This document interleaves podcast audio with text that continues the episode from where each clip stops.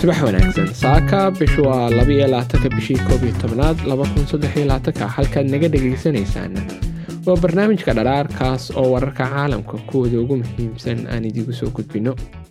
Subax walba lixda subaxnimo ayaanu ku baahinaa adeegyada bodkastyada sida spotify iyo apple bodcast youtube-ka iyo facebookana waxaanu ku baahinaa sideeda subaxnimo. Waxaa idiin soo jeedinaya saaka anigoo ismaaciil cali asad ah saaka waxaan rabaa inaan idigu daro in baryahanba hooyaday safiya maxamed xasan ay subaxii dhegaysato barnaamijka dharaar kaas oo aad ii farxad geliyey. Hooyadeyna halkan baan ka salaamayaa haddii ay saa ka dhegaysanayso. Dhammaantiin dhegaystayaashana waxaan leeyahay soo dhowaada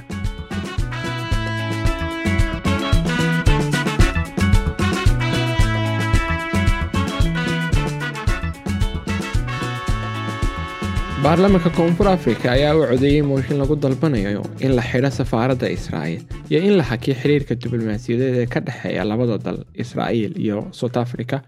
Go'aankan ayaa ka dhashay weerarka israa'iil ku qaaday khaza ficilka ama dhaqdhaqaaqa inta badan waa astaan sababtoo ah waxay ku xidhnaan doontaa xukuumadda madaxweynaha inay hirgeliso go'aankaas iyo in kale haddaan si kale hadalkan u dhigo dhaqaaqa ay ku dhawaaqday ama ficilka ay samaysay baarlamaanka dalka south africa wuxuu u yahay tusaale ama wuxuu astaan u yahay qaabka ay dowladda south africa uga soo horjeeda ficilada.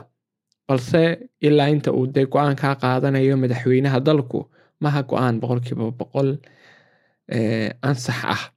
Mooshikan oo ku baaqaya in la xidho safaaradda lana joojiyo dhammaan xiriirka diblomaasiyadeed ilaa laga gaaraya xabad joojin ayaa la qaatay maalintii salaasada ee shalayta hore ahayd. Waxaana u codeeyey laba boqol afartan iyo sideed cod halka ay ka soo horjeesteen sagaashan iyo kow qof ama koob iyo sagaashan. Tallaabadan ayaa waxaa kaloo soo bandhigtay xisbiga mucaaradka ah ee garabka bidix ee economic freedom fighterska oo ay taageerayaan xisbiyada talada haya ee african national congress waxaana ka soo horjeestay xubno ka tirsan xisbiga dhexe cadaanka aqlabiyadda ah oo u badan isbahaysiga dimuqraadiga ee israa'iil taageersan.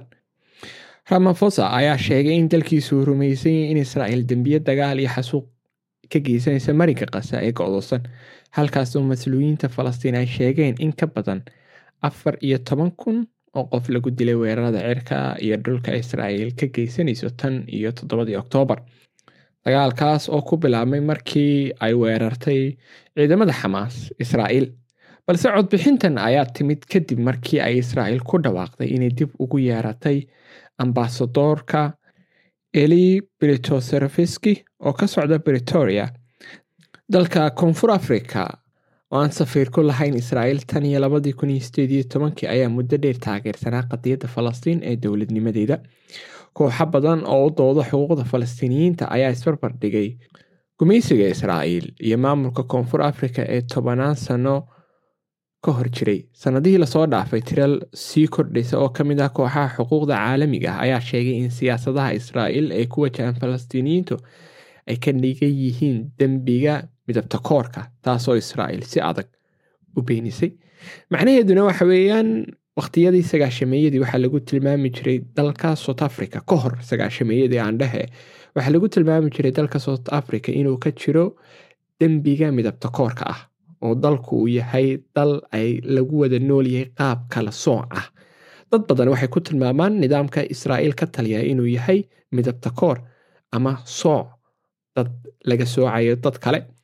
Waxaa badanaa caan ah in dadyooga falastiiniyiinta ah ee ku nool dhulalka ay israa'iil haysato iyaga iyo israa'iiliyiintu ay u kala dhexeeyaan gidaaro iyagoo dowladda israa'iil ku doodaysa in gidaaradaasi yihiin qaabka qure ay nabadda dadyooga ay u ilaalin karto balse innaga iyo dadyow fara badan waxaynu ognahay inuu qaabkaasu yahay qaab ka mid a qaababka takoorka iyo kala soocidda dadka.